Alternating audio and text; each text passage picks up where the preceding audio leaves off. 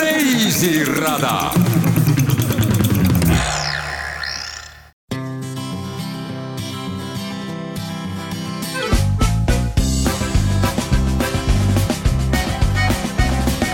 Их покояб, как с ведра, скоро будет нарва И лет лес ничего, синца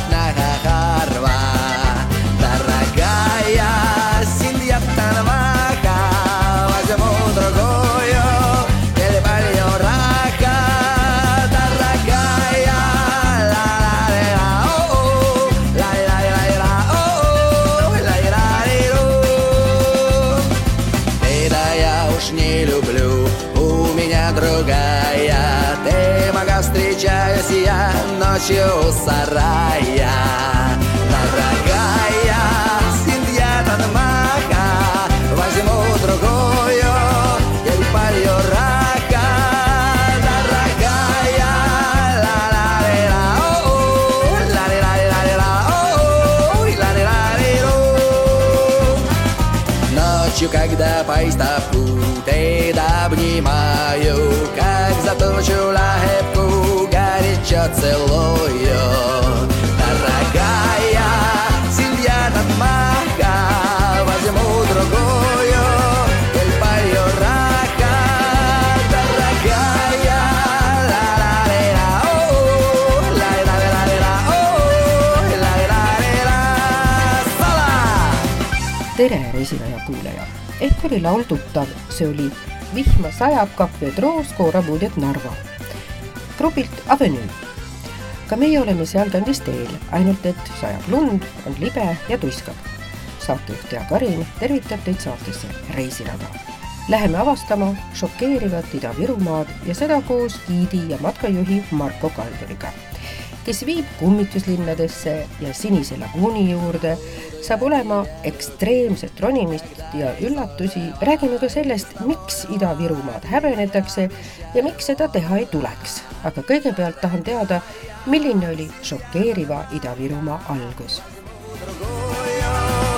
palju raha.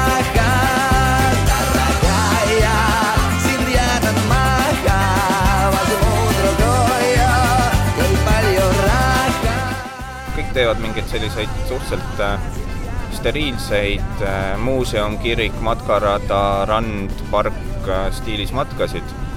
ja ega need rahvale eriti peale ei lähe, sest tegelikult on terve Eesti muuseume ja kirikuid ja mõisasid täis. et ja siis ma otsustasin, et kuna Ida-Virumaal on väga vinge tööstuspärand ja, ja ja nii-öelda kultuuripärand ja kultuuridega teatavas mõttes konflikt, et siis otsustasin võtta hoopis teise niši ja teise suuna ja hakatagi näitama neid nii-öelda šokeerivaid ja ekstreemseid ja erakordseid ja erilisi kohtasid, mis on omased ainult Ida-Virumaale. ja panin sellise marsruudi kokku ja siis tuli sob-, sobivalt see nohu pandeemia ka peale, et, et järjest hakkas neid äh, sõite toimuma ja ühel hetkel nii-öelda püsikliendid või need, kes olid juba ühe päeva käinud või ühe marsruudi läbi sõitnud, need hakkasid äh, sisuliselt nõudma, et äh, Ida-Virumaal on neid kohti ju veel küll ja küll, et äh, teeks siis veel järgmise marsruudi, siis tegin teise päeva marsruudi, sellele järgnes kolmanda päeva marsruut ja nüüd olen juba neljanda päeva marsruudi juures.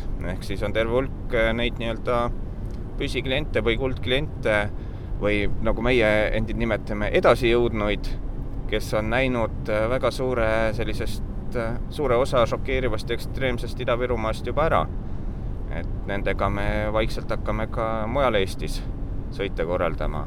aga jah, Ida-Virumaa tuuride mõte ongi näidata selliseid kohtasid, mis äh, võib-olla mõnel tekitavad kõhedust, mõnel vastikustunnet, mõnel põnevust, et taolisi paikasid aga miks sa nimetad seda šokeerivaks Ida-Virumaaks, kas see ongi šokeeriv, on see äh, marketingi äh, osa või ongi siin midagi, mis inimesi šokeerib?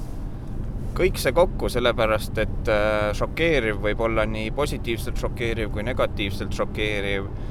šokeerida võivad vaated, šokeerida võivad kogemused, šokeerivad, šokeerida võivad äh, teel kohatavad äh, kohalikud inimesed. Et, et äh, seda ütleme nii, et see šokk tuleb igale ühele osalejatest omamoodi, igaüks tõlgendab seda omamoodi. ja kuna tõesti marketingi osas see nimi ka väga hästi müüb, sellepärast et tänu, kahjuks tänu meediale Ida-Virumaast on niikuinii selline suhteliselt negatiivne mulje inimestel, siis, siis selle nime kasutamine tundub, et müüb ja meie oleme asunud ka teile nüüd mitte niimoodi lausa šokeeriva ilmaga, aga siiski ekstreemsega. ütleme nii, et jah, praegu pärast paljusid eh, Siberis ringi sõitmisi see ilm enam väga ei šokeeri, aga ekstreemne on küll, et eh, sõidukiirus on üsna, üsna madal praegusel hetkel. et jah, praegu see ilm ongi selline suhteliselt äh, karmiks kiskunud, et ei osanud oodata, et taoline lumetorm tuleb. maanteel on veel enam-vähem nagu tee lahti lükatud, aga samas jällegi põrgulikult libe. aga see, mis meid hakkab ootama kuskil kummituslinnades või, või väiksemate teede peal, seda hetkel ma ei oska ennustada, et hommikul oli isegi koduõuelt keeruline autoga välja saada. ja tuiskab ka? tuisk on selline, veel purgaa mõõtu ei ole, aga me ei tea, mis meid päeva peale veel ees ootama hakkab. me olemegi selle purgaa sees jõudnud kohta, kus meie teele jääb esimene liiklusõnnetus, et keegi on selle libedaga päris põhjalikult äh, teelt välja sõitnud, et hoiame pöialt, et midagi taolist ei korduks. oi, ja siin on üks katuse peal täiesti.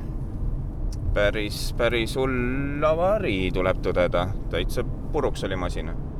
meie sõidame sellise keskmisest tõenäoliselt natuke parema linnamaasturiga, et meil loodetavasti on liiklemine turvaline, et äh, uued talverehvid, korralik auto, rahulik sõidukiirus, et ma usun, et kõik sujub kenasti.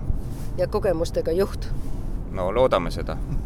Nende samade šokeeriva Ida-Virumaa tuuridega ongi selline üks äh, suur probleem, nimelt äh, miks ma neid, äh, veel põhjus, miks ma neid tegema hakkasin, oli selles, et äh, kohalikud äh, nii-öelda lumehelbekestest turismiarendajad, nad häbenevad Ida-Virumaa tegelikku väärtust, häbenevad seda tööstuspärandit ja äh, muukeelsust ja, ja reostust ja, ja kõike muud taolist, mis tegelikult ongi Ida-Virumaa põhiliseks müügiartikliks. et see on ka põhjus, miks ma seda tegema hakkasin, et et lihtsalt äh, toetatakse igasuguseid pehmeid äh, äh, väärtusi või pehmeid vaatamisväärsusi ja ilusat, kena, steriilset, aga peljatakse või häbenetakse või ei soovita näidata seda, mida inimesed Ida-Virumaalt otsima tulevad või mida nad siin tegelikult näha tahavad. et mina pakungi neile inimestele selliseid kohtasid ja selliseid elamusi, mida tavaline Ida-Virumaa turismiarendaja ja ja, ja enamik ka giide lihtsalt ei paku või ei võimalda. et inimesi Ida-Virumaale meelitada, siis tehti ju paar aastat tagasi siia ka selline seiklusmaa.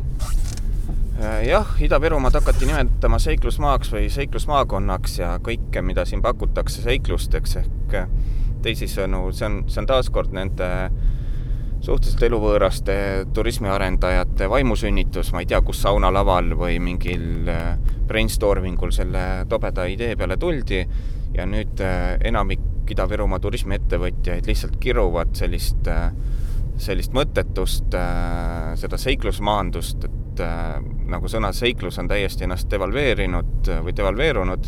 Ja, ja keegi ei oska enam siin midagi nii-öelda teha, sellepärast et kuskil kõrgel peade kohal otsustati ära, et teeme nüüd Ida-Virust seiklusmaa ja rääkimata või konsulteerimata nagu nendega, kes tegelikult siin turismi teevad ja lõpptulemus on see, et eh, keegi ei oska sellega midagi peale hakata ja kõik on nagu suhteliselt eh, pahased ja nördinud eh, või noh, enamik neist turismiarendajatest on pahased ja nördinud selle jaburuse pärast. ja nüüd on minu kord sulle küsimus esitada, et siin vasakut kätt näed sa ühte katkist viadukti mis sa arvad, miks see viadukt selline katkine on? sealt sõitis liiga kõrge veok läbi. sa oled peaaegu õigel teel, ütleks ma. et äh, selline nii-öelda viisakas versioon, mida siis taaskord äh, need nii-öelda Ida-Virumaa pehmemad äh, giidid ja, ja turismitegijad räägivad, on see, et kunagi, kui see viadukt oli valmis saanud, siis sõitis sealt alt läbi raudteekraana, mis oli natuke liiga kõrge selle viadukti jaoks. et aga sellel lool on veel ka natukene laiem taust, ehk siis see, millest ka mina räägin. nimelt põhjus oli jah selles, et raudteekraana sõitis selle maha, aga miks see raudteekraana sinna üldse läks, oli see, et kohalikud raudteelased pidasid õhtul pidu kohalikus jaamas, Vaivara jaamas siis, ja hommikul enamik nagu parandas pead või magas peatäit välja, aga siis üks raudteekraana juht otsustas, et tema on ikkagi kohusetundlik lööktööline, et tema läheb tööle või siis objektile, istus oma raudteekraana kabiini või rooli ja hakkaski töökoha poole sõitma, aga jokkis peaga, nagu ta oli, siis unustas selle ära, et raudteekraana nokk äh, oli üles jäänud. ehk siis, kui ta selle viadukti alt läbi sõitis, siis lihtsalt see raudteekraana nokk äh, tõmbas selle viadukti keskmise paneeli alla. et see ongi selle viadukti nii-öelda laiendatud lugu Marko juhib tähelepanu ühele omapärasele fenomenile kummituslinnades, kuhu jõudmas oleme.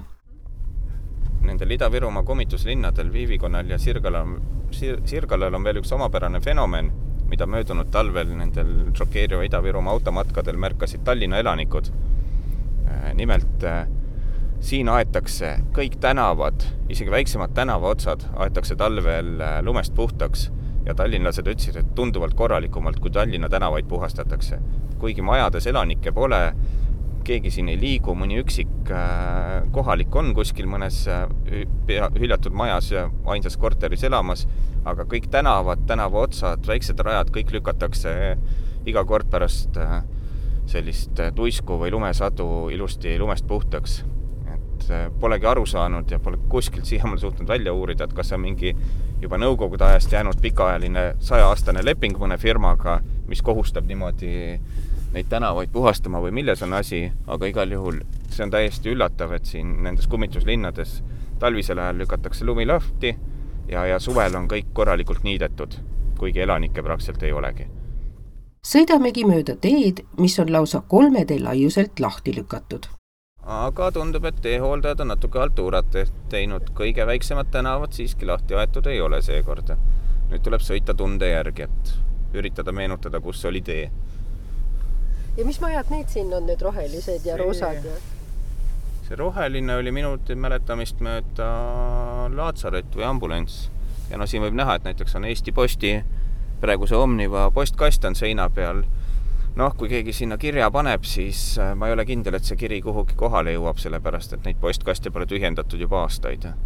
siin on näiteks viiekümne neljandal aastal ehitatud koolimaja, sest see linn ikkagi planeeriti väga suure elanike arvuga, kool pidi sadu õpilasi mahutama, et äh, selles osas on, siia taheti väga suurt asulat teha. et lähmegi vaatame korra selle koolimaja juurde kõigepealt jõuame paika nimega Viivikonna. lumine, laterdad tee ääres, ühel pool varemed, teisel pool värvilised majad, isegi mõned inimesed toimetamas. järgmise kummituslinnana ees Sirgala. Viivikonna ja Sirgala, need on, võiks öelda, et nagu öö ja päev, et Viivikonna on selline koht, kus isegi mööndustega võiks äh, elada, sellepärast et siin on selline ilus stalinistlik arhitektuur, et noh, ilu on vaataja silme ees muidugi, aga aga need hooned on üsnagi, üsnagi kenad, vähemalt need, mis korras on. ja kui need veel täiesti üles vuntsitakse, siis oleks siin niisugune väga, väga ilusad hooned ja kõik muu taoline. aga noh, Sirgala muidugi, see on, see on koht, millel ei ole mingit lootust, et võiks öelda, et on täielik pärapõrgu, et Hruštšovkad ja hall ja tigedad kohalikud, kes võõraid ei kannata praegu ma pean siin selles äh, lumehangedes meenutama, et kustkohast see tee siin üldse läks, et taimede järgi vaatan, et vist ühel pool teed kasvavad ja teisel pool teed kasvavad ja ja nüüd, kas jääme valli kinni või ei jäänud? ei jäänud, saime läbi. aga nüüd me oleme siin Viivikonna bussipeatuse juures, et sellele asulale ka väga sihuke äh, kummaline või omapärane on see, et äh, siin käib täiesti ühistransport ja elekter on sees ja mingil määral kanalisatsiooni. et noh kunagi pensionipõlve võiks isegi siia pidama tulla. et saab olematu raha eest osta endale suure maja ja kui see üles ka vuntsida, siis, siis äh, miks mitte, et selle koha üks suur boonus on veel see, et siin on siin, siin pole kuritegevust. et sel lihtsal põhjusel, et kui pole elanikke, siis ei saa ka kuritegevust ju olla ja kui siia tulla, võib-olla on sul ka toredad naabrid, näe üks naaber seal teeb just midagi. üks naaber siin toimetab, me oleme jah, praegu selles, selles nii-öelda linnaosas, kuhu, kus on mitmed majad üles vuntsitud ja korda tehtud, et et siin nagu täitsa üksikuid elanikke leidub.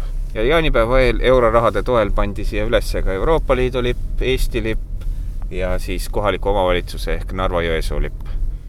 et siin Viivikonnas kunagi toimekas viivikonna karjäär oli, selle mälestuseks seisavad siin rattakummi sisse pistetud puidust värvitud päkapikk, mis eriti hästi ilmaga sobib, ja uhke kotkas, mis nagu Marko arvab, ehk põlevkivikaevanduse rajamise aastast tuhat üheksasada kolmkümmend viis, kolmkümmend kuus meenutab et siin tuhande üheksasaja kaheksakümne seitsmendal aastal tervelt seitsesada viiskümmend inimest elas, on tänases tühjuses ja varemete juures seistes raske ette kujutada.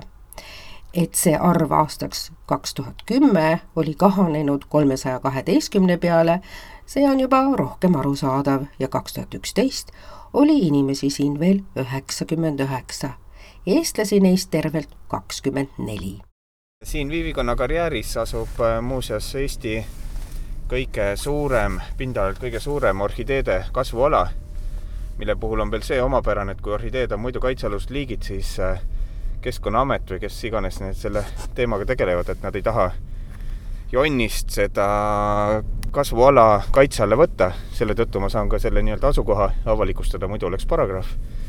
et, äh, et jah, nad ei taha seda võtta nii-öelda kaitse alla ja põhjenduseks olevat see, et et kuna tegu on tehismaastikuga, siis ei saa seda, neid orhideesid nii-öelda kaitsta, et kuidagi kõlab väga pastakast imetud vabanduse või põhjendusena. ja, ja nüüd äh, lähme vaatame siin mõningates majavaremetes natukene ringi, et mida huvitavat me leiame, äkki komistame mõne viivikonna kummituse otsa ka. siis ronime me lumes ja lagunenud treppidel ja seega lihtsalt uurime ja uudistame, eriti üllatavaks on see, et kunagise haigla suurejooneline klassikalises stiilis fassaad on tänaseni muljetavaldav. siit suundume edasi Sirgalasse, kõrvus veel koera haukumine, keda me aga õnneks ei kohanud. Nii, ja nüüd me jõudsime Sirgalasse ehk siis sellesse kummituslinna, millel pole mingisugust lootust, mis on täiesti hüljatud äh, või noh, mitte täiesti hüljatud, siin mõned elanikud on, aga see on niisugune lootusetu koht, mille tulevik on lihtsalt äh, must ja kokkukukkumine ja kokkuvarisemine, et see on tõesti, võrreldes Viivikonnaga, see on nagu pommiauk. aga siin tundub nagu rohkem elu, koerakuudid ja, ja majades äh, autode ees no need on need üksikud daatšad ehk suvilad, kus siis äh, osades isegi aastaringselt elatakse, aga need jäävad sellest nii-öelda kummitavast osast või lagunevast äh, osast natukene välja, et praegu me siin nüüd näeme ümberringi juba neid Hruštšovka stiilis kahekordseid ja kolmekordseid ja neljakordseid äh, hooneid, mis on sellise tõeliselt masendava välimusega, kus ühes elamus on võib-olla ühes korteris elanik, teises on võib-olla kahes, siis on jälle tühi, siis jälle ühes. et siin nagu on äh, olukord selline väga-väga-väga masendav. Ja nüüd me, nüüd me näeme siin töötamas ka seda sajaaastase lepinguga äh, teede hooldajat, kes on ajanud vabaks sellise raja, mida mööda me praegu nüüd ka sõidame, mis viib ei kuhugi, on täielik niisugune äh, umbtänav, aga see on lahti lükatud ilusti puhtalt. Ja majade esised täpselt samamoodi lahti lükatud, et et olematud inimesed oma trepikodadel ligi pääseksid, et täielik müstika, miks seda tehakse, kes seda teeb, mis lepingu alusel seda tehakse. et kuhu raha äh, läheb? kuhu raha läheb, täpselt. et Eesti riik äh, või siis äh, pankrotis Narva linn või Narva-Jõesuu linn viie rikkama hulgas, nagu näha. ja nende elanike vastu oled sa siin ka ennast varustanud, nagu ma aru sain? jah, nagu ma ütlesin, et siinsed elanikud on üsna tigedad ja vaenulikud võõraste ehk siis eelkõige turistide osas ja, ja siin on mulle korduvalt äh, füüsiliselt kallale tuldud kohalike joodikute ja narkarite ja selliste pättide poolt. et, et äh, ma olin sunnitud ennast äh, sellisteks rünnakuteks ette valmistama. meie kohtume siin aga sõbraliku Sirgala elanikuga, kes pühib luuaga ühe paneelmaja ees ja räägib sellest, et terves majas elabki tema üksi teisel korrusel, mida akende ees olevatest kardinatest näha võib. tema meenutabki, et kui ta tuli siia üheksakümnendate aastate lõpus, oli siin palju inimesi, isegi pood töötas, oli lasteaed ja kool, nüüd on kõrvalmajas veel kaks inimest, tema majas tema üksi ja Nooruse tänaval ka veel paar. Можно я у вас спрошу, э, вы, вы живете здесь? Да. Долго уже? Не, ну так я к отцу приехал в 99-м, а после работы в больнице я стал жить здесь в 2009-м. А сколько людей вообще? Я вижу, там красивая квартира, да? Это Где? вы там живете? На Или- втором этаже я. А. И как здесь жить? э, Сколько людей вообще здесь? Мало. Сколько, вы знаете, сколько? Но я в этом доме один постоянно живу. Там двое. Ну, Там на Норусе там трое. Ну там тоже есть. Ну так мало людей вообще. А раньше сколько, сколько было? Ой, когда я приехал к папе в 99-м в конце, здесь все общаги работали, все полные были. Магазин работал, сейчас не работает. Uudishimutsen, et mida siin siis teha saab. saan vastuseks, et saab näiteks kedagi aidata ja oma maja ees koristada ja suvel metsas marjul ja seenel käia, siis on siin ikkagi ka väga ilus, arvab Oleg. enne kui me Sirgala selja taha jätame, näitab Marko mulle veel tõelist kohalikku iludust. tibukollast maja siniste imekaunite puitpitsist aknaraamide ja kaunistustega. sellises paksus lumes tuule käes seistes ja imetledes võib end juba kuskil Siberi külas ette kujutada. ja siis olemegi teel Sirgalasse. aga enne veel kõlab omakõlaline venekeelne bänd, mille juured on vene rokkmuusikas. Narva bänd Avenova, lugu Večnost, igavik. Даже не пытайся сказать прощай Хаос недосмотрен, недопит чай Все так же разбросаны вещи. Ты вечно куда-то спешишь. Ты думаешь, я не замечу Что ты целый вечер молчишь. Даже не пытайся сказать goodbye мой плохой английский так смешит тебя. Не уходи в себя. Это все зря Кажется целую вечность Целую вечность целую тебя. Целую вечность целую тебя. Целую вечность целую тебя. Целую вечность целую тебя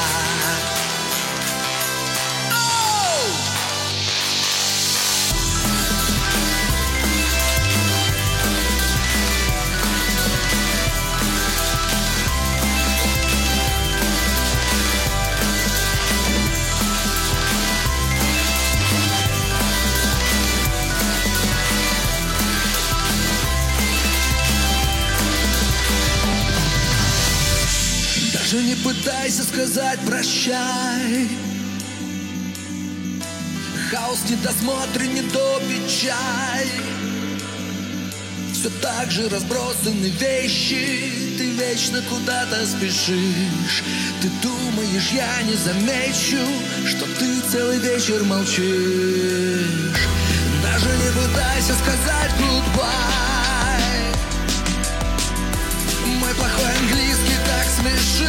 тебя. Не уходи в себя. Это все зря. Кажется целую вечность. Целую вечность целую тебя. Целую вечность целую тебя. Целую вечность целую тебя вечно целую тебя.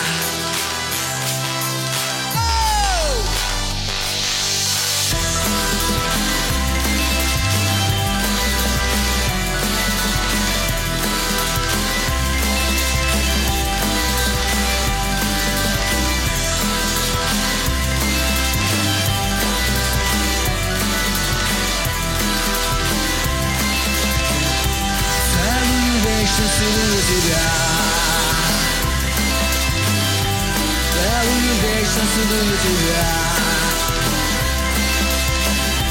Целый вечер целую тебя Целый вечер целую тебя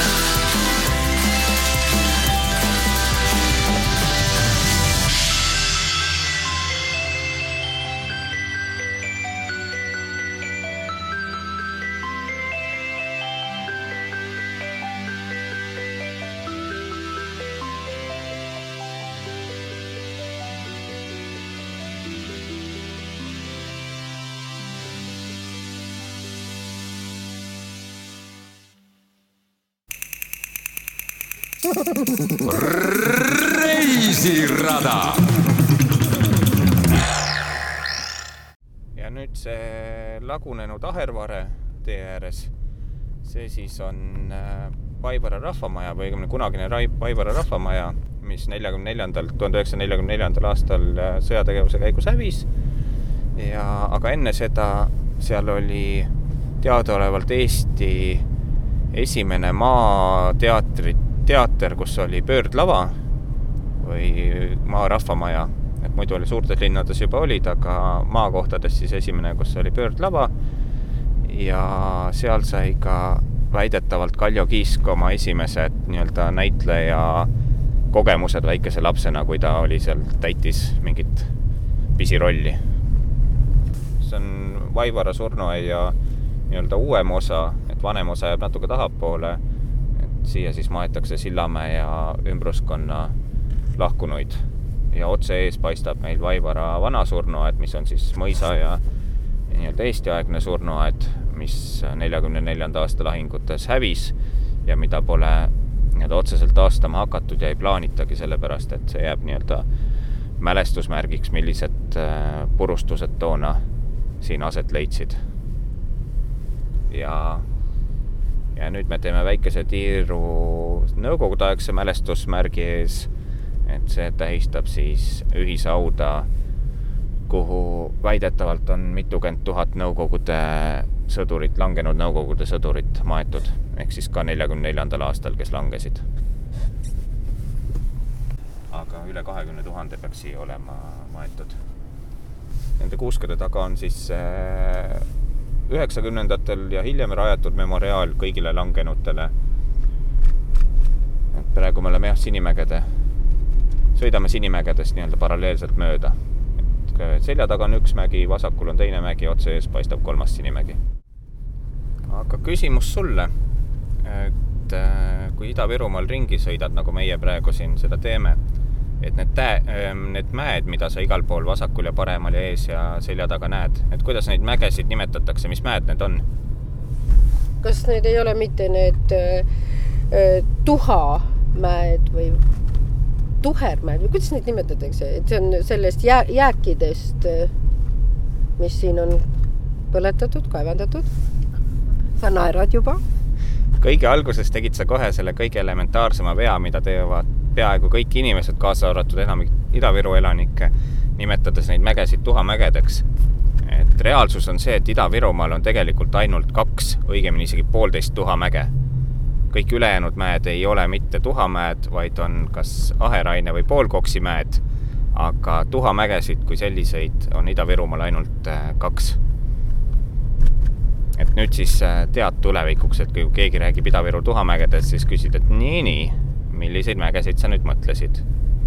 aga Marko, ainult vigadest õpib ju seda küll, ega mul endalgi aeg-ajalt lipsab see sõna tuhamägi nii-öelda jutu sisse ja eks ma siis natukene häbenen vaikselt omaette. nii et see Eesti vulkaan on Kukruse mägi, mis nii. seest põleb?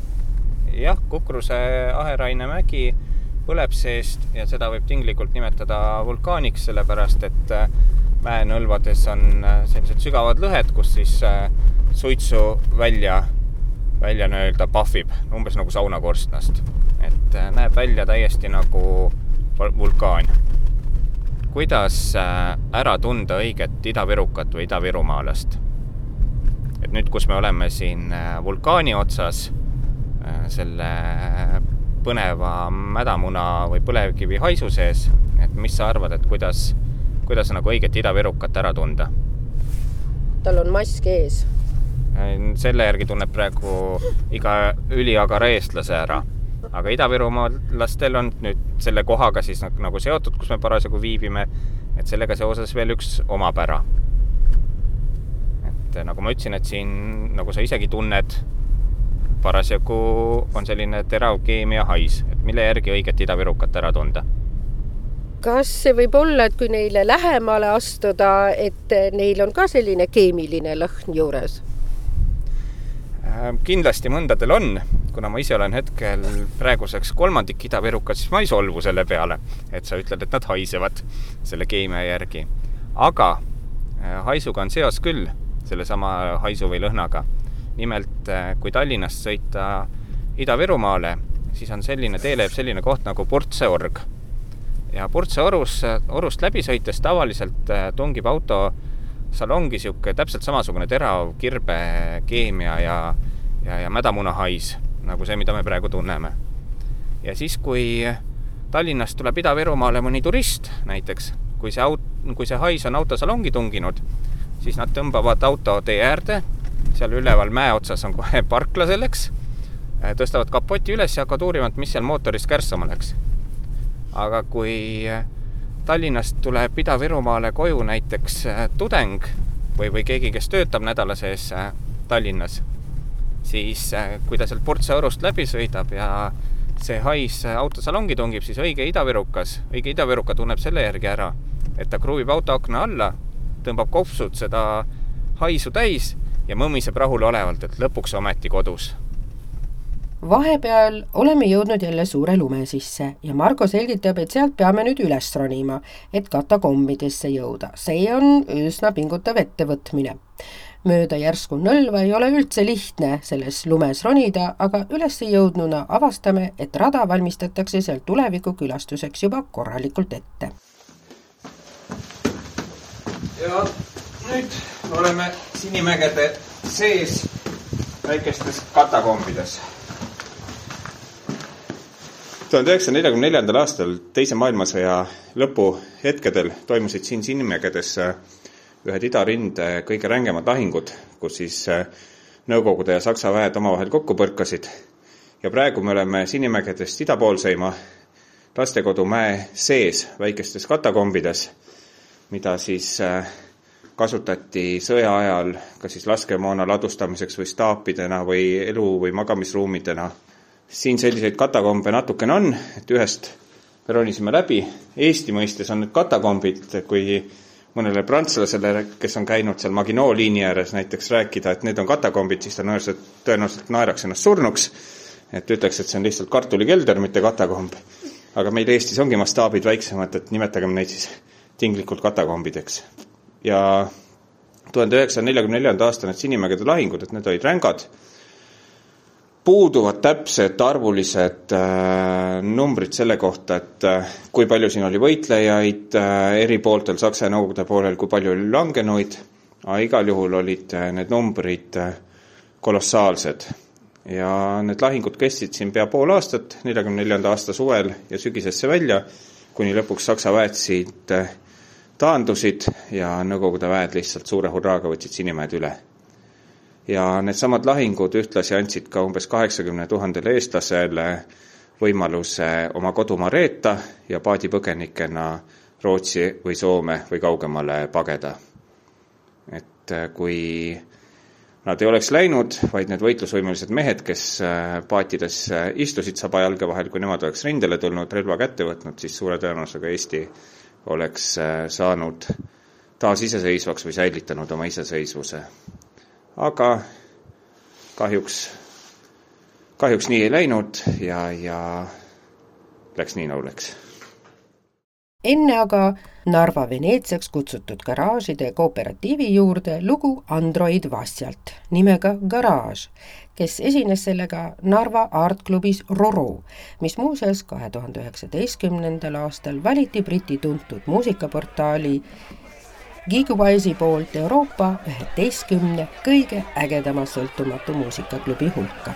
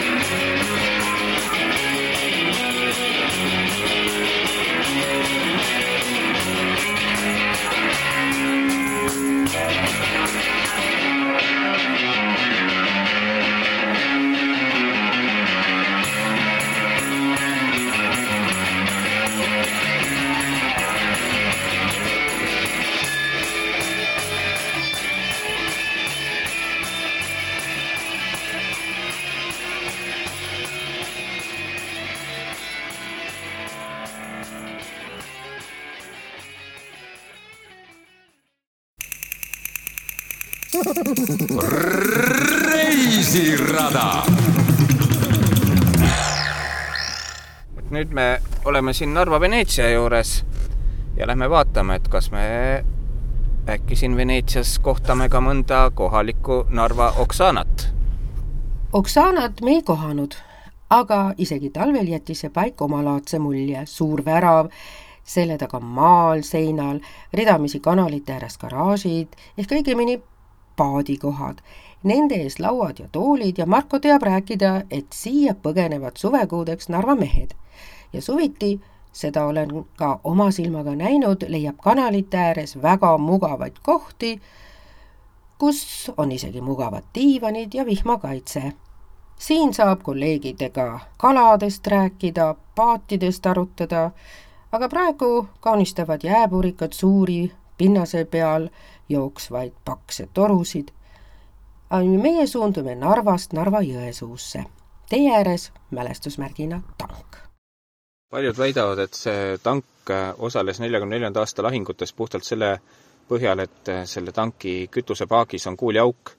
aga tegelikult see kuuliauk ei pärine üldse teisest maailmasõjast, vaid ühest hilisemast sõjast, nimelt üheksakümnendate maffiasõjast, kui selle tanki pihta lihtsalt lasti purjus peaga märki ja Narva jões, Narva jõega veel, et eh, Narva jões elab selline kala nagu silm. ja tuhande üheksasaja neljakümne neljanda aasta kevadtalvel, kui siin olid väga rängad lahingud, siis uppus eh, jõe, läbi jõe jää, kukkus vette ja uppus eh, väga palju Nõukogude sõdureid. aga mida silmud söövad? silmud söövad raipeid ja nii oligi, et neljakümne viiendal, neljakümne kuuendal aastal siit jõest püütud silmud olid erakordselt lopsakad ja suured. vahepeal on pimenenud ja nii otsustame vaadata ka midagi ilusat. selleks on Sillamäe, talviselt valgustatud, renoveeritud laia trepiga, mis suundub mere poole. sealt alla vaadates on ilusti näha, kuidas tuiss keerutab tuhkjat lund tänava laternate ja pinkide vahel. meie läheme kultuurimajja ja Valentina kohalik giid on nii kena, et avab meile tegelikult remondis ja ümberkujunduses oleva muuseumi raske metallukse. aga enne küsib ta, kas ma tunnen ära ka kultuurimaja portreedel olevad isikud ja päris piinlik ei. А кто это? Все. А вы не знаете, не узнаете? Да, Вы должны посмотрим. знать. А как Гоголь, вы я узнаю. Станиславского знаете? Гоголь? Не, Конечно, нет. Конечно, нет. А вы кто что это? вы? Вот в школе учили. Чехов, Чехов. Мусорский, Чайковский, Глинка, Станиславский. muuseum saab varsti teise väljanägemise. kunagi andsid siin kontserte kunstnikud üle terve Nõukogude Liidu. täna on säilinud veel kultuurimaja algusaastatest portreed Stalinist ja Leninist, mälestusena Nõukogude ajast koolivormid oktoobrilastele ja pioneeridele.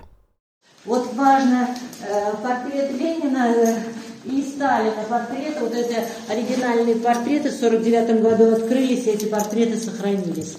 Вот это да. А здесь немножко истории, как в Эстонии и вообще России, Советского Союза. Школьники, пионеры октябрята, формы, мячки, вот так вот немножко здесь есть. ja siis avaldab Valentina selle, et kuigi elab Sillamäel, siis süda tõmbab Tallinnasse või Narva А как вам здесь в Силаме нравится? Нет, я Таллин люблю, наверное.